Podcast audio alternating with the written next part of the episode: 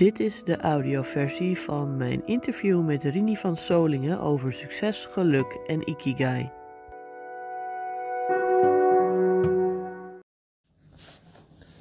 Ik heb een rotsvaste overtuiging over de relatie tussen geluk en succes en de plaats van jouw eigen ikigai daarin.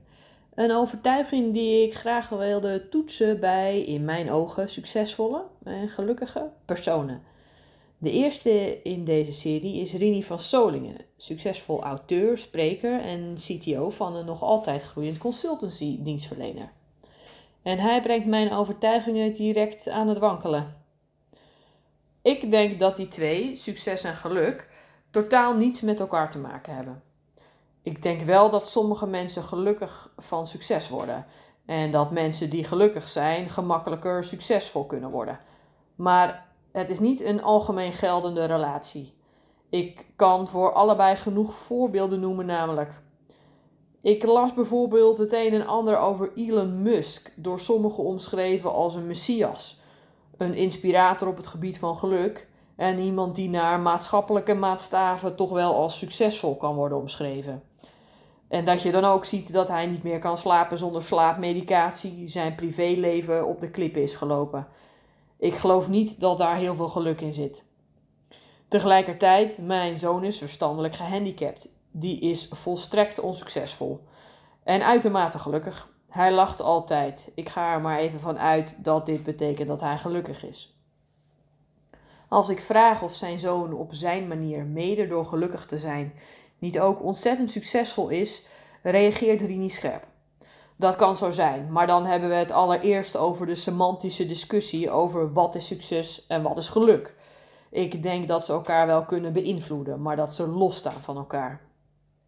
Wat is de definitie van succesvol zijn dan voor jou?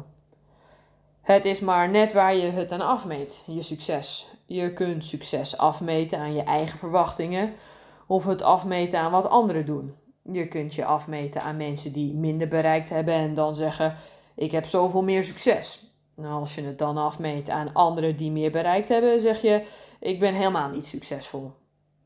Het woord succesvol resoneert ook niet zo bij mij. Ik doe de dingen die ik leuk vind. Ik probeer mensen te helpen en te inspireren gelukkig te zijn in het moment. Het is aan anderen om te bepalen of je succesvol bent. En als je het aan je eigen verwachtingen afmeet, vind jij jezelf dan succesvol? Daar zit een tijdsdimensie aan. Ik denk dat je alleen succesvol kunt zijn als je de grens telkens blijft opschuiven. Als ik kijk naar mijn verleden, heb je dan doelen behaald? Nou, vele wel, maar sommige ook niet. En sommige wil ik misschien ook niet meer behalen en dat is ook succes. Maar over het algemeen lukken de dingen best aardig. Ik kan best wel dingen opnoemen waarvan ik denk: potverdorie, daar ben ik toch wel trots op. Dat zijn dingen die veel groter zijn geworden dan ik had gedacht. Tegelijkertijd zijn dat successen die ook door anderen komen, niet alleen door mij. Een belangrijke factor op het gebied van geluk is volgens onderzoekers zingeving. Waarom ben ik? Waarom doe ik? In Japan wordt dit ook wel ikigai genoemd. In hoeverre is Rini hiermee bekend? De term ikigai is voor mij vooral gerelateerd aan het invullen van het schema rondom ikigai, zeg maar de operationalisering ervan. Ik denk dat ik iets soortgelijks al ontdekt had, maar dan op een andere manier. Ik heb een eh, eigen bedrijf, ik werk voor ProWareness en ik werk in de wetenschap. Dat is vrij ingewikkeld omdat die werelden zo anders zijn. Toch heb ik ontdekt dat die werelden ook overlappen en dat er dingen gebeuren in de sweet spot van die overlap. Ik zou er mijn privé ook bij kunnen betrekken. Je kunt een uur in die sweet spot besteden en voor al die doelgroepen voelt het dan alsof ik voor hen heb gewerkt. Voor mij is dat het schrijven van artikelen. Dat is voor mijn gezin leuk, want dan ben ik thuis. Dat vindt ProWerners leuk, want dan hebben ze iets waarmee ze zich kunnen onderscheiden. Dat vindt de universiteit leuk, want die vinden alle vakinhoudelijke publicaties belangrijk. En het helpt me in mijn eigen branding, eh, waardoor ik meer waard word voor mijn eigen bedrijf. Het probleem is dat dit eigenlijk alleen iets zegt over de zakelijke kant. Toen ik het Ikigai-schema zag, voelde dat niet alleen als herkenning van dat stukje, maar vooral ook als herkenning op persoonlijk vlak. Ik vulde het schema in en kwam uit op spreken en schrijven. En dat heeft mij heel erg geholpen om ook op dagelijkse basis keuzes en beslissingen te maken.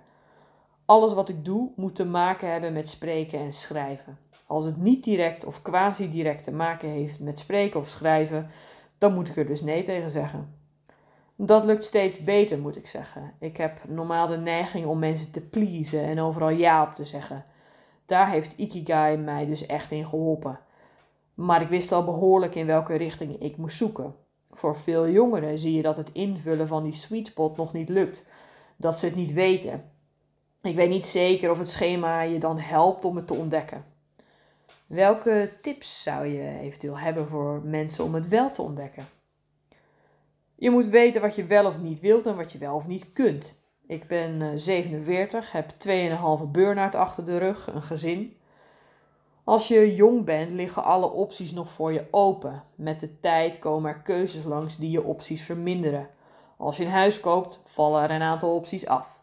Als je een gezin krijgt, dan vallen er opties af. Dat maakt het leven en het vinden van je sweet spot of ikigai makkelijker. Kijk, die droom van vroeger om toneelspeler te worden, die is weg. Die optie is in de loop der tijd gewoon verdwenen en dan ga je er het beste van maken met de dingen die wel kunnen, die je wel kan. Als je jonger bent is dat veel moeilijker om te bedenken. Sterker nog, door social media en de huidige maatschappij zijn er nog veel meer opties gekomen. Bedrijven die je kunt starten, opleidingen die je kunt doen. Het is alleen maar ingewikkelder geworden voor nieuwe generaties. Is het dan gewoon een kwestie van tijd? Ja, niet druk om maken wat je ikigai is. Hij komt vanzelf. Gewoon dingen gaan doen die je leuk vindt, waar jij gelukkig van wordt, waar je anderen gelukkig mee maakt. Dingen afmaken en je ervaringen delen. Het leven laat zich niet plannen aan de hand van een ikigai. Ga vooral doen. Ik wijs Rini op de overeenkomst tussen zijn jeugddroom als toneelspeler en zijn huidige werk als spreker. Daar heb ik ook over nagedacht. Mijn moeder wilde vroeger altijd dat ik dominee werd. Ze zag in mij wel iemand die kon inspireren door te spreken. En er komt zeker een stukje performance kijken als ik op het podium sta. Dat is misschien wel het meest belangrijke als het gaat om Ikigai. Je bent er al.